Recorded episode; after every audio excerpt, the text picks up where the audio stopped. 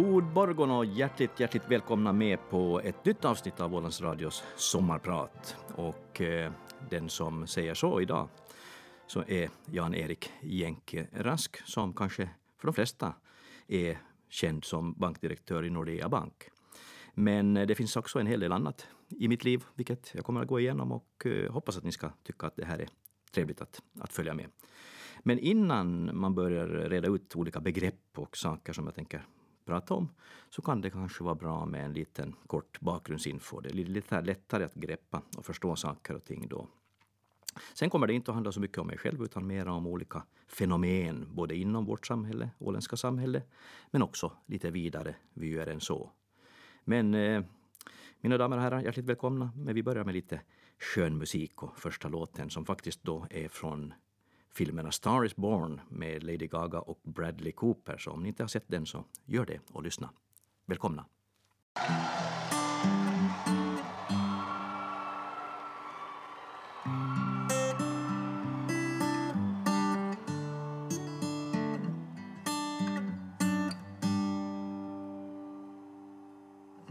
Tell me something,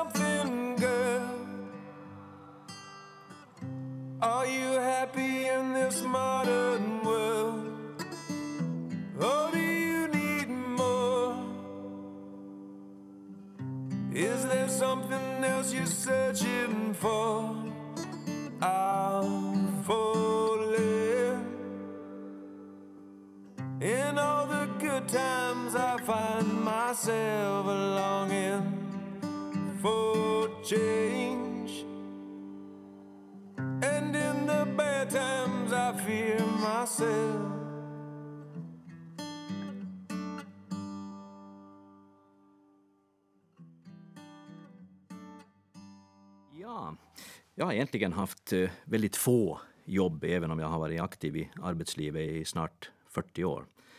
Det kanske låter konstigt, men, men det finns bra förklaringar till det. Jag har egentligen bara haft två jobb före nuvarande bankjobb i, i Nordea Bank. Eh, efter avslutade studier, riktigt i början på 80-talet, så uppstod ju här på Åland, det minns ju många, en situation där, där Nya Åland, alltså två tidningar, vi hamnade in i en tvåtidningssituation. Och det betydde då att eh, tidningen Åland blev av med över halva sin eh, redaktion.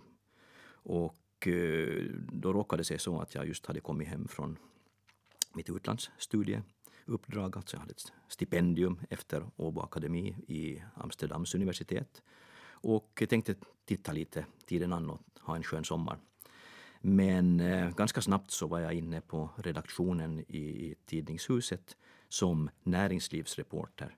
Och eh, det var ett eh, lyckokast på många sätt. Det var en trevlig situation, det var en lärorik situation. Och eh, på den vägen, ett och ett halvt år på tidningen, så lediganslogs VD-jobbet för Ålands handelskammare. Jag tyckte själv att jag var lite för ung för sånt då, jag var bara 24 år. Och, eh, men sökte det jobbet och fick det. Och eh, jobbade då fem år vid Ålands handelskammare som VD. Underbar tid det också. För att sedan 1987 komma in i bankvärlden och mitt egentligen nuvarande jobb via Ålands Sparbank som då var den introduktionsbank som jag kom in i. Och uh, Ålands Sparbank satte då igång en företagsverksamhet som jag fick ta hand om och på den vägen är det. Men eh, livet består ju inte bara av jobb, även om det tar mycket av ens vakna tid. Sport och idrott i allmänhet och IFK Mariehamn i synnerhet så är också mina, en del av mina intressen, har alltid varit. Det är sällan man missar en ligamatch för IFK. Och eh, som vi ska höra lite längre fram kan det också hända ganska intressanta saker på en, en sådan, sådan match. Egna aktiviteter rör sig närmast om hockey, veteranhockey. IFKs veteranhockeygäng är någonting som man inte på något sätt skulle vilja vara utan. Och eh, volleybollen har alltid legat mig varmt om hjärtat och, och finns fortfarande med. Men eh, innan vi går vidare och kommer in på lite annat än, än saker om mig själv så är det då dags för en skön låt som heter Moonlight Shadow.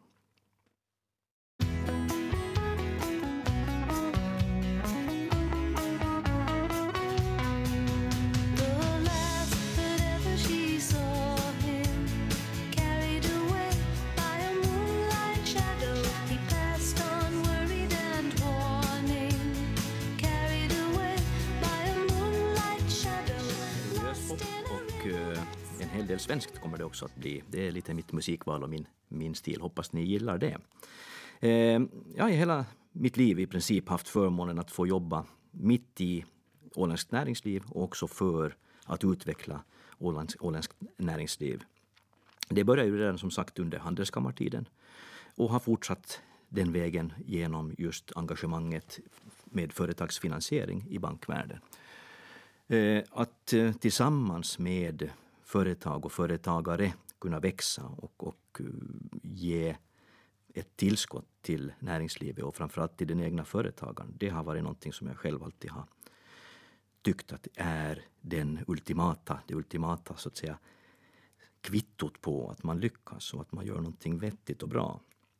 Det sägs eh, ofta att Åland är ett eh, framgångsrikt entreprenörssamhälle och det är till stora delar visserligen sant. Men under senare tid så har vi kunnat se att tillväxten för åländska företag har stannat av i förhållande till omvärlden. Vi växer, våra företag och vårt näringsliv, vårt, vår BNP som man då ofta pratar om, växer inte i samma takt som omvärlden. Och det är ju naturligtvis på sikt en eh, situation som inte, inte är bra.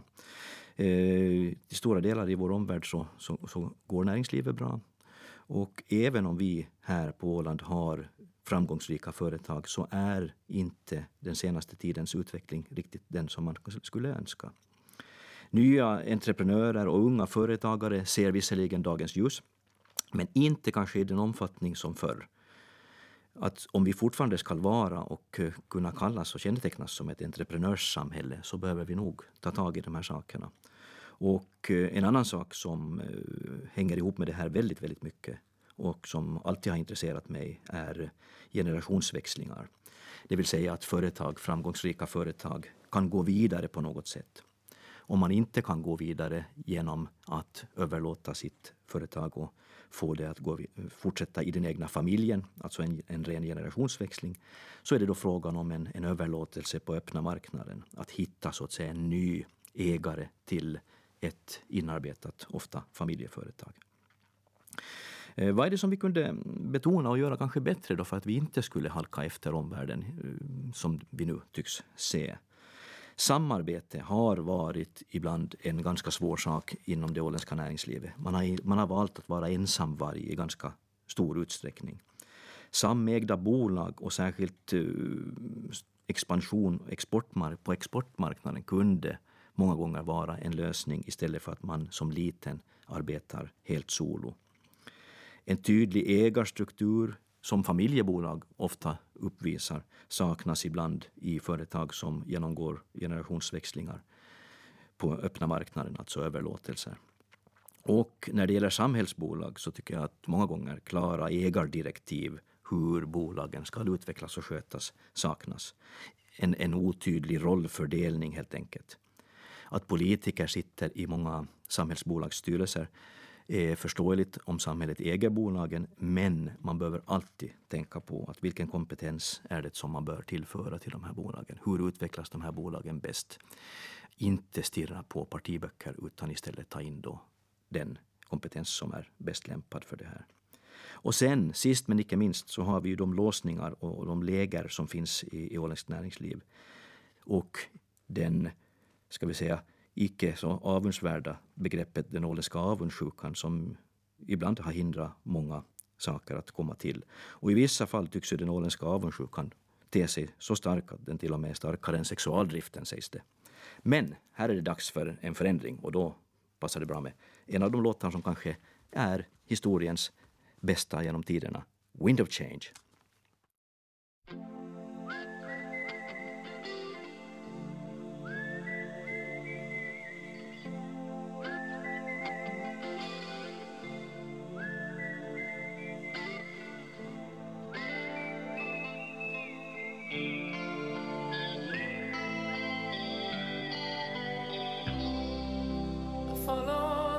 Moscow down to Gonky Park, listening to the wind of change.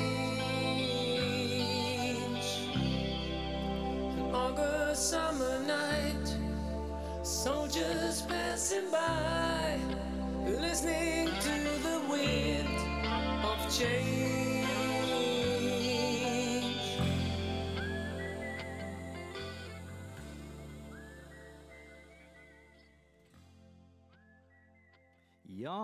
För dig som eh, kanske slagit på radion precis just nu den 8 juli här mitt i sommaren, mitt i vår sköna sommar, så ska jag då förtydliga att det är Jan-Erik Jänke Rask som idag har äran att få vara sommarpratare och eh, lite ta upp olika intressanta fenomen i vårt åländska närings och sportliv.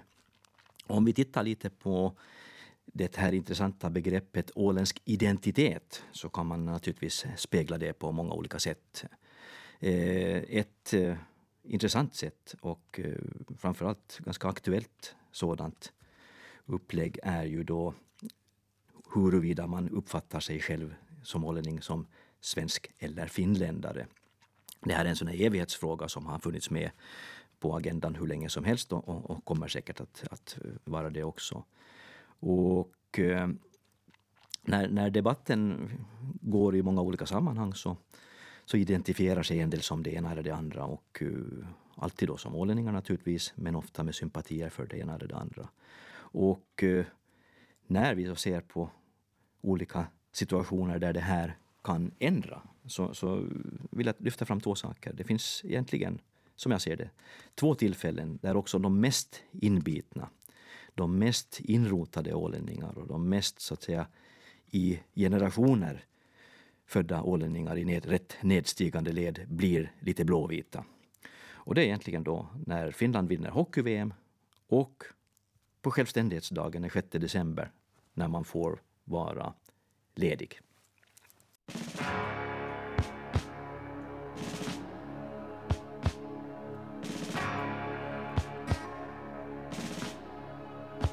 Dry your eyes, take your song out. It's a newborn afternoon. And if you can't recall the singer, you can still recall the tune. Dry your eyes and play it slowly. Like your. Dry Your Eyes med Neil Diamond, gammal goding. Och eh, jag vill påstå att eh, inte ett öga var torrt när eh, just för att spinna vidare på hockey-VM och, och blåvita framgångar när Finland här i maj i år kunde ta hem mot alla odds, verkligen, mot alla, verkligen mot alla odds, eh, världsmästerskapet i ishockey. Och eh, jag vet, eftersom man följer med och alltid har följt med det här väldigt, väldigt nära, att också folk som annars inte alls bryr sig om sport och idrott satt som limmade när Finlands lejon spelade finalen i hockey-VM. Och inte bara finalen, också, också kvarts och semifinalmatcherna som var ju riktiga rysare bägge. Sverige, Ryssland och Kanada avverkades i turordning innan det var dags att lyfta VM-bucklan. Och eh, då frågar man sig, och det är ju liksom ett intressant fenomen, att hur är det möjligt att ett lag som består av helt olika och amatörmässigt upplagt material jämfört med många andra lags NHL-meriterade trupper och så vidare, kunde gå hela vägen och ta hem den här turneringen. Det är ett fenomen som är värt att lite titta närmare på. Och eh, de flesta spelare i Finlands lag har spelat i, spelar och spelade i FM-ligan eller i SHL, Svenska Hockeyligan. Och eh, var inte i närheten av något NHL-kontrakt. Ni minns kanske en av hjältarna, unga 18-åriga Kapo Kakko som ju mer eller mindre måste fråga morsan om han fick fara på turneringen sin unga ålder. Till trots så, så gjorde ju en, ett sånt avtryck att eh, NHL-kontrakt och andra saker började uppenbara sig redan under turneringens gång. Och fenomenet som jag vill lyfta fram, lagkaptenen och bjässen, 203 centimeter långa, 100, drygt 100 kilo tunga Marko Anttila, som knappt platsade i Örebros fjärde kedja i SHL, kommer upp och börjar framstå som en ledare som tar tag i saker, som får andra att tro på sig själv, som lyfter laget, som lyfter sig själv och framförallt lyfter bucklan på högre höjder än någonsin när han sedan fick göra det efter avslutad finalseger. Och eh, vad är förklaringen till att det här var möjligt? Hur, hur är det här möjligt? Det har många frågat sig och jag har sett och läst många analyser. Och, och eh, sammanfattningen kanske ändå är det att laget visade att man snabbt ställer upp för varandra fullt ut. Man var beredd att offra sig i alla lägen. Man var beredd att ge allt i varje situation. Och lägger man till det här ett starkt ledarskap, Jukka Jalonens ledarskap och hans stab, som bygger på förtroende och tillit. Att man ger spelare i ett tidigt skede förtroende och säger att det här, det är du, det är vi som ska göra det här. Och jag vill påstå att det här också visar att man med ett material som inte alltid kanske är det bästa kan höja sig och göra och skapa en hel del fantastiska saker i vårt samhälle. Och det här gäller i allra högsta grad också i näringslivet och utanför rinken. Att skapa vinnare av medelmåttor som då med rätt coachning höjs och höjer sig själv till en nivå som man aldrig annars kunnat skåda. Men hörni, på tal om rinken, jag är ju själv ofta och har förmånen att få vara i Islandia och, och, och trivs där som fisken och i den miljön, så kan jag inte komma ifrån en speciell händelse som relativt långt tillbaka utspelade sig på, i, i, vår, i vår egen rink och uh, i samband med friåkning som ägde rum just före vårt härliga IFK-veterangäng skulle gå på isen. Vi, vi mogna herrar står vid sidan om, om, om, rinken och väntar på vår tur medan friåkningen pågår i, i, i, i banan. Och en, en liten grabb som i kanske 8-10 års ålder åker förbi mig och, och, och, har hjälmen bak som fram. Vilket jag vänligen då påpekar. Eh, varvid grabben blixtsnabbt replikerat. Vad fan vet du åt vilket håll jag är på väg åt då gubbjävel? Jag ångrar faktiskt lite att jag inte tog upp namn och adress. Inte för att försöka straffa honom eller ringa till hans mamma och, och, och säga att han har varit en, en, en, en stortrutig och olydig grabb, utan tvärtom. En sådär kvick, kvicktänkt eh, kille och, och, som är sådär rapp i käften borde man ju faktiskt ha bokat upp och, och, och, och kanske börja lägga märke till för framtida jobb. Och eh, det är just det här att jag tror på dig. Följande låt.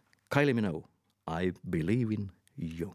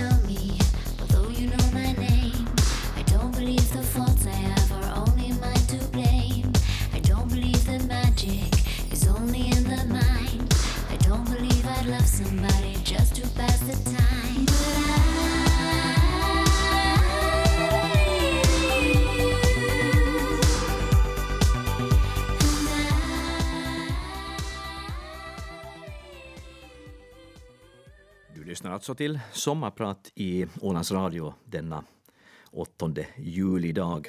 Och eh, jag som pratar idag är Jan-Erik eller Jenke Rask. Och eh, kör en resa här med olika fenomen och intressanta företeelser i vårt åländska näringsliv. Och samhälle i övrigt också. Eh, I mitt styrelsearbete för Rädda Barnen, jag har förmånen att få sitta med där, så har jag kommit i kontakt med egentligen många olika situationer där främst barn inte har, alltid har det så bra som man tycker att eh, åländska barn borde ha. Eh, det finns olika orsaker till det här, men framför allt så finns det kanske en stor okunskap om att det faktiskt är så. Många tycker att i vårt åländska rika och välmående samhälle så, så har alla det bra och eh, det finns tillräckligt av, av både materiellt och annat inslag i barnens liv. Men så är det inte. Och eh, ett av de här begreppen som eh, jag idag faktiskt tänkte ta upp lite här och lyfta fram, som kan vara intressant att också känna till, är ett eh, kring saken om barnfattigdom eller ekonomisk utsatthet som det begreppet då egentligen då helt korrekt lyder. Alltså jag menar då barn som lever i familjer där man då ligger på eller under fattigdomsgränsen, den relativa fattigdomsgränsen. Man har svårt att få vardagen att gå ihop och eh, pengarna räcker helt enkelt inte till. Och det här eh, visar också statistiken att eh, cirka 4 procent av de åländska barnfamiljerna är helt eller delvis beroende av utkomststöd. Sen vet vi också att vi har inslag som matbank och annat som hjälper till och man tycker att i vårt åländska samhälle skulle ingen behöva vända sig till en sådan institution för att få vardagen och livet att gå ihop. Men så är det. Så är det inte alltså. Men, eh, och undersökningar visar också att barn i många fall, alltså barn som är och lever i fattiga familjer, så ärver det här livsödet av sina föräldrar. Och eh, visserligen är det så att vi inte kanske alltid kan påverka föräldrarnas situation och hur de lever. Men däremot försöker vi i Rädda Barnen, och det tycker jag är viktigt, se till att det inte automatiskt blir så att barnen också hamnar i motsvarande situation och läge, utan kan få och se fram emot en bättre framtid. Vi vill då stödja handlingar som syftar till att barn blir självgående, mindre beroende av bidrag och utkomststöd och så vidare, för att få möjligheter till studier och framförallt deltagande i viktiga samhällsfunktioner som kultur och idrott. Att inte kunna vara med och delta i den här typen av, av evenemang och aktiviteter är många gånger en väldigt farlig väg för unga att bli eller hamna i ett så kallat utanförskap. Om man egentligen vill vara med i en idrottsförening och ett lag men inte av någon orsak kan för att föräldrarna inte har råd att betala till exempel tränings och deltagaravgifter, så är det här fenomenet ganska, ligger det här när, fenomenet nära till hands. Och eh, vad kan vi göra? Jo, här kan Rädda Barnens barnfond göra mycket och gör väldigt mycket. Hjälper till, ser till att barn och ungdomar som faktiskt vill och är, är intresserade av någonting kommer med i en verksamhet som de gillar och som de också kan få den här gemenskapen i. Eh, man pratar mycket om hållbarhet idag och det, det, är ett viktigt begrepp. Även om det i vissa lägen kanske tenderar att få lite inflatoriskt begrepp över sig. Men eh, Rädda Barnen arbetar för att få hållbara lösningar för barn. Och, och det innebär att vi jobbar med att hjälpa här och nu.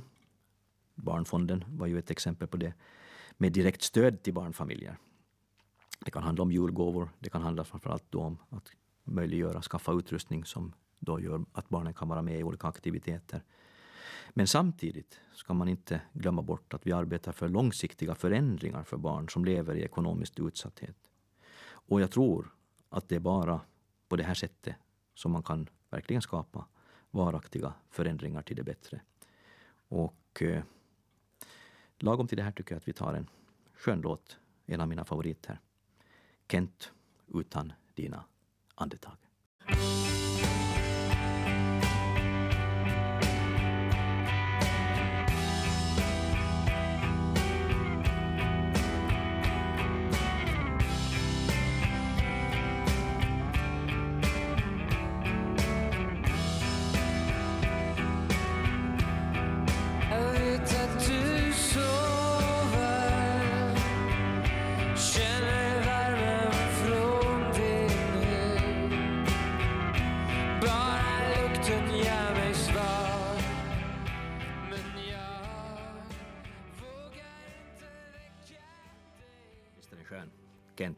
Utan dina andetag. Kent som förresten höll sin avskedskonsert här för några år sedan och inte uppträder mera men, men som band och som möjlighet att lyssna på så försvinner de ju aldrig. Så är det bara. Eh, för dig som just slagit på radion och undrar vad det är för en man som håller låda idag så ska jag säga att det är Jan-Erik Jänke Rask som har äran att få vara sommarpratare idag 8 juli. Eh, Snart är det dags för lagtings och kommunalval på Åland igen. Och lagom till uppstarten av kandidatrekryteringen i mitten av maj så kom ju också beskedet att lagtingets löner, alltså lönesättningen för våra lagtingsledamöter ska höjas med hela 28 procent. En helt otänkbar sak i det privata näringslivets värld och eh, där man dessutom jobbar en viss, bara en viss tid, jobbar deltid som man säger. Och det andra anmärkningsvärda i eh, det här eh, konstaterande att lönerna ska höjas med hela 28 procent så är ju det att eh, utredningen som kom fram till att det skulle bli så, den, den så kallade arvodeskommissionen tillsatt av lagtinget självt, och det är ju ungefär som att man sätter bocken som trädgårdsmästare. Det är en ganska likartad situation. Man gör det åt sig själv. Och eh, då kan man fråga, är det här nu någonting som lockar nya förmågor till lagtinget? Får vi bättre kvalitet på lagtingsarbetet? Önskar, önskar vi att det kommer in, eller kan det här locka nya förmågor att ta sig an det här jobbet när lönen nu på detta sätt hissas med hela 28 procent? Och eh, samtidigt önskar man ju ändå att folk söker sig till politiken och beslutsfattande av andra orsaker, inte bara av arvodet som man får, utan just övertygelsen om att man verkligen kan göra nytta för vårt samhälle genom att bidra med kunskap och gott föredöme. Och en annan sak som jag alltid har tyckt, även om jag inte är aktiv politiker själv, att fakta som vapen istället för yviga spekulationer, lösa påståenden och vilda gissningar, att fakta skulle tas fram mera och framförallt lyfta fram det som man vill arbeta för och få en förändring till. Jag är ganska övertygad om att en kandidat som benämner sakerna vid dess rätta namn och fram, lyfter fram och vågar också lyfta fram de jobbiga och obehagliga sakerna vinner på det här i längden. Många tror kanske att om man gör så så stöter man sig med någon väljargrupp och, och, och det inte är möjligt att, att ens bli omvald och så vidare. Men på lång sikt så är det så här jag tror att man måste jobba. Beslut fattas utgående från faktaunderlag och mindre från tyckanden och gissningar. Det här att säga och benämna sakerna vid deras rätta namn så har vi ju sett och ser i vår värld ganska många exempel på. Många tänker då otvivelaktigt på USAs president Donald Trump som ju gör det ena uttalandet efter det andra. Och eh, också hamnar att ta tillbaka och ändra saker och ting. Det är inte så jag menar att vi ska benämna sakerna vid deras rätta namn utan verkligen baserat på äkta fakta och kunskap. Och den politiker som sagt som vågar och ta det här steget lite ännu mera och, och göra det här utan att tänka på sin egen valbarhet och omvalbarhet. Han kommer att vinna. Han eller hon kommer att vinna på det här i längden. Mr Trump spelar ju ändå rysk roulette i många avseenden med både sanning och omgivning. Och eh, det för oss vidare på nästa låt av Rihanna, Russian Roulette.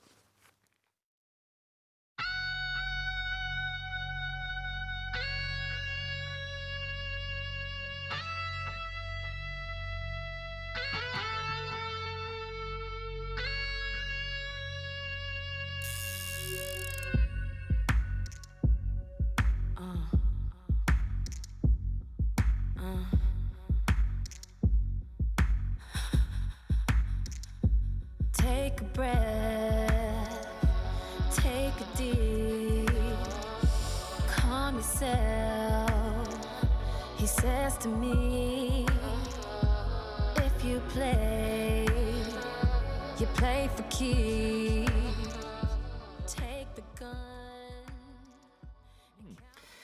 Om man tänker rent valmate, valmatematiskt så borde ju de flesta ha betydligt mer att vinna än förlora på att bli talesman eller kvinna för ett eventuellt obehagligt upplägg eller någonting som är svårt. Jag tror att betydligt fler väljare som sagt tilltalas av att man faktiskt tar fram det här fast det då är, är, är kanske många gånger inte så trevligt att höra. Men, men sanningen jämfört med, med, med det att man inte vågar eller kan eller, eller vågar så att säga lyfta de tuffa sakerna. Det är en betydligt värre sak. Och därmed stöta sig med en viss liten väljargrupp. Den gruppen är betydligt mindre än de som faktiskt förespråkar fakta och, och sanning och ren, rentadighet. Kommunreformen som vi har eh, på gång är en ganska typisk sån här brännande fråga och eh, till det också den offentliga sektorns snabbt ökande omfattning i vårt samhälle. Det här är begrepp som man kanske inte, eller saker som man inte gärna vågar och vill uttala sig så mycket om, men borde göra det för att de kommer obe, oberoende ändå. Om man inte gör det själv så kommer någon annan att måste göra det. Det andra intressanta fenomenet som just nu är på tapeten är den nybildade finländska regeringens expansiva budgetpolitik. Finland har just fått en ny regering och eh, i den har den offentliga sektorn och välfärden satts i fokus, vilket naturligtvis är i vårt samhälle en angelägen sak.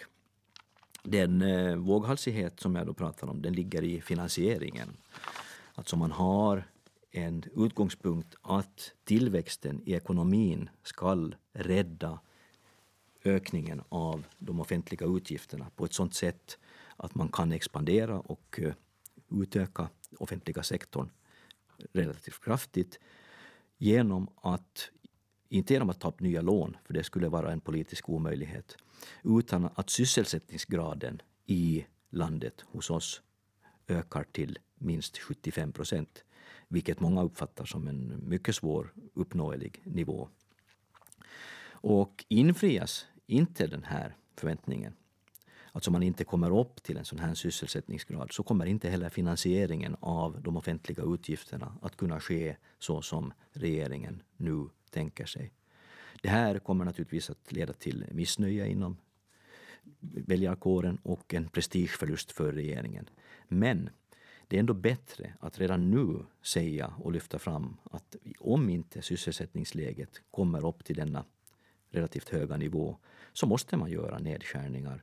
Och det är ju aldrig lika roligt att ta tillbaka någonting som man just har infört eller riggat till. Det är alltid en tuff situation att gå och backa kring någonting som man har så att säga satsat väldigt hårt på och satt sin egen prestige på spel. Men eh, nog om det för stunden. Vi tar lite skön musik emellan nu. Om du lämnar mig nu.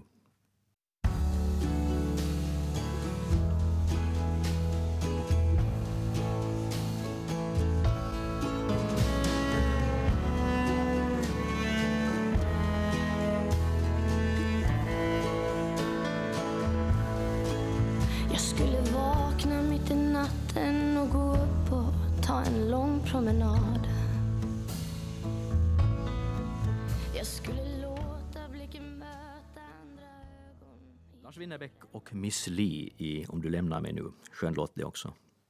Vi var inne lite på budgetpolitik och offentliga sektorns utbredning och eh, det är ju inte så att vi är så mycket sämre här hemma heller. Det var ju nyligen som eh, vi kunde läsa i våra dagstidningar och höra i Ålands Radio om den utredning som Åsub har gjort som visar att eh, antalet jobb inom offentliga sektorn på Åland ökar samtidigt som allt färre jobbar inom den privata sektorn. Om vi tidigare då sa det här idag att Åland är och borde vara ett entreprenörssamhälle så är ju det här en ganska oroväckande utveckling, sannerligen. Och eh, om vi lägger till då att, att, att det är ett samhälle där den privata sektorn i det närmaste har full sysselsättning så blir det ännu mer alarmerande. Visst har den privata sektorn också ökat sin sysselsättning och, och vuxit, anställt nytt folk. Men offentliga sektorn har gjort det i ännu större utsträckning och större omfattning. Och eh, på sikt, precis som har sagts av olika kommentarer på vägen, så är det här eh, på sikt en eh, ohållbar situation.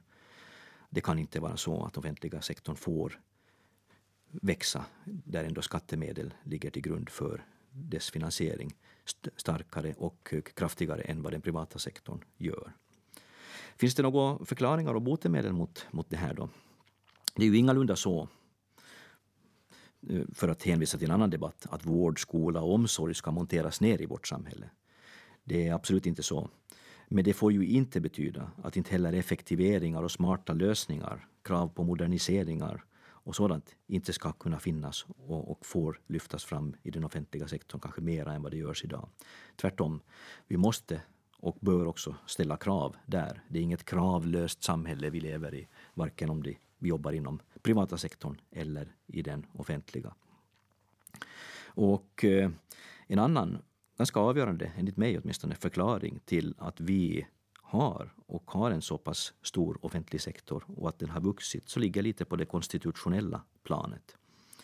En liten autonom enhet som Åland, som är en betydligt större del av, ett, av en global helhet, främst EU då, som måste leva upp till många krav.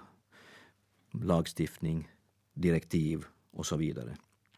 Och eh, för att svara mot alla de här kraven så krävs det då en administrativ, administrativ apparat som ju inte står i proportion till våra resurser och framförallt vår lilla folkmängd.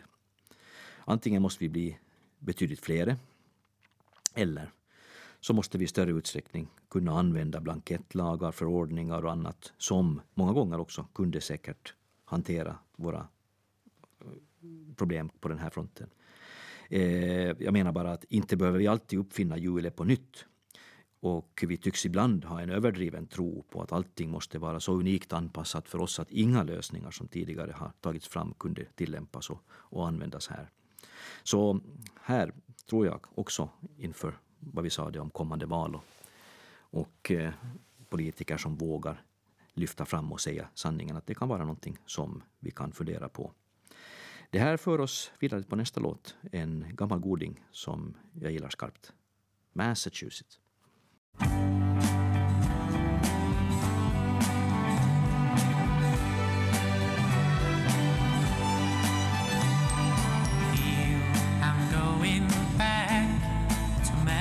Massachusetts.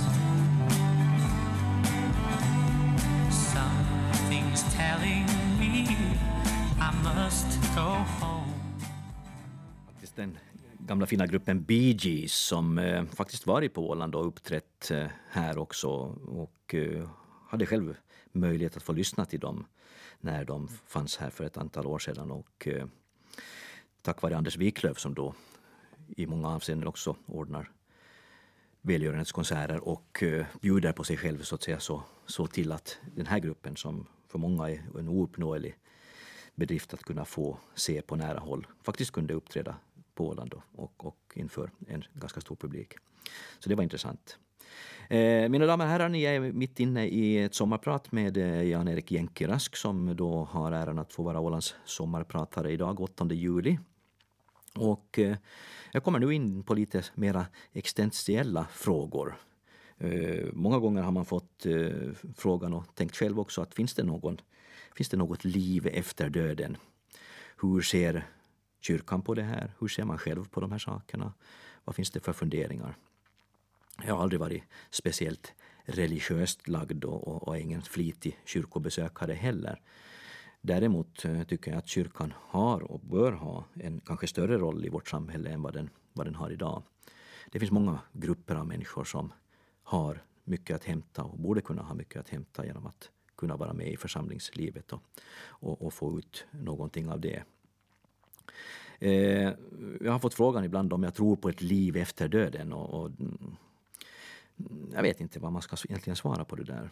Jag tror på något sätt, eller hoppas egentligen, att det skulle finnas någon form av eh, rättviseaspekt. Jag har alltid tyckt att rättvisa och mm, cred för vad man gör skulle på något sätt belönas. Men eh, många människor som har haft ett tungt och ett svårt liv skulle kunna få en upprättelse i sin så att säga tid efter jordelivets avslutande. Och, om det är möjligt att få en utjämning av det. Själv uppfattar jag att jag är född, född under en lycklig stjärna och har fått det mesta och kunnat få vara med om det mesta också som innehåller bra saker. Men, men för många människor som har haft ett betydligt annorlunda liv och, och hamnat i både fattigdom, elände, sjukdom och annat. Att kunde man få någon sorts upprättelse på det och kunna se en viss rättvisa sprida sig så skulle det vara en underbar tanke. Hoppas att det är så, verkligen. Det gör jag.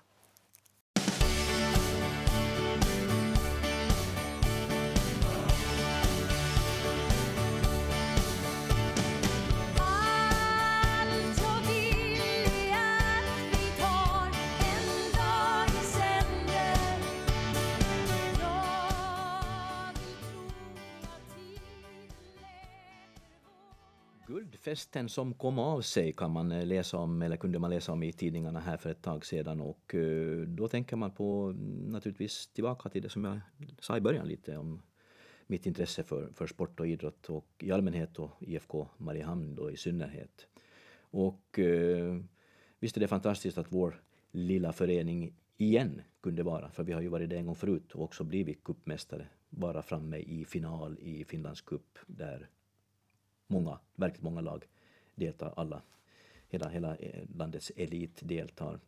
Och eh, nu blev finalmatchen kanske inte den folkfest som man riktigt hade önskat sig, åtminstone på slutet, även om det var det under själva spelets gång.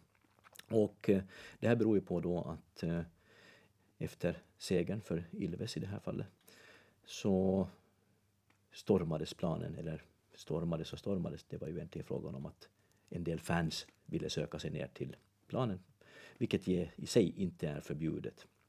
Och eh, varvid då säkerhetsvakter tog till vad jag vill kalla övervåld. Och eh, här kommer vi in lite på den här diskussionen att hur och vilken festlig inramning ska kunna få finnas i vårt idrottsliv och framförallt fotbollen som då är den idrott som kanske har det största visitkortet utåt när det gäller Åland och hur vi är kända utanför Åland. IFK Mariehamn har satt Åland på kartan i väldigt, väldigt många sammanhang och jag som rör mig själv på fastlandet och i Sverige väldigt mycket i näringsliv, i idrottsliv, så får väldigt ofta frågan att hur är det möjligt och hur kan lilla IFK Mariehamn då faktiskt åstadkomma så här mycket? Det här är man ju stolt över och glad över att få höra. Men borde man också kunna se det här med att tillåta glädjescener och framförallt någonting vara firande som lite mer liberalt och inte kanske då ta till övervåld. Som då faktiskt jag tycker att var fallet i den här senaste cupfinalen. Och eh, förklaringen kanske till det är då att det, vi vill påpeka här att det inte var åländska vakttjänster tjänster som, som då stod för ordningen här, utan det var då inkallade från Finlands bollförbund. Att man var, det verkade som om man var ganska ivrig att få göra någonting och få så att säga demonstrera sin styrka när det gäller den här biten. Men jag hoppas ändå att förnuftet segrar och att idrotten får leva vidare i, i sin fina glans och sitt glädjeskimmer som den faktiskt då är värd att ha. Och eh, då kör vi vidare med nästa låt.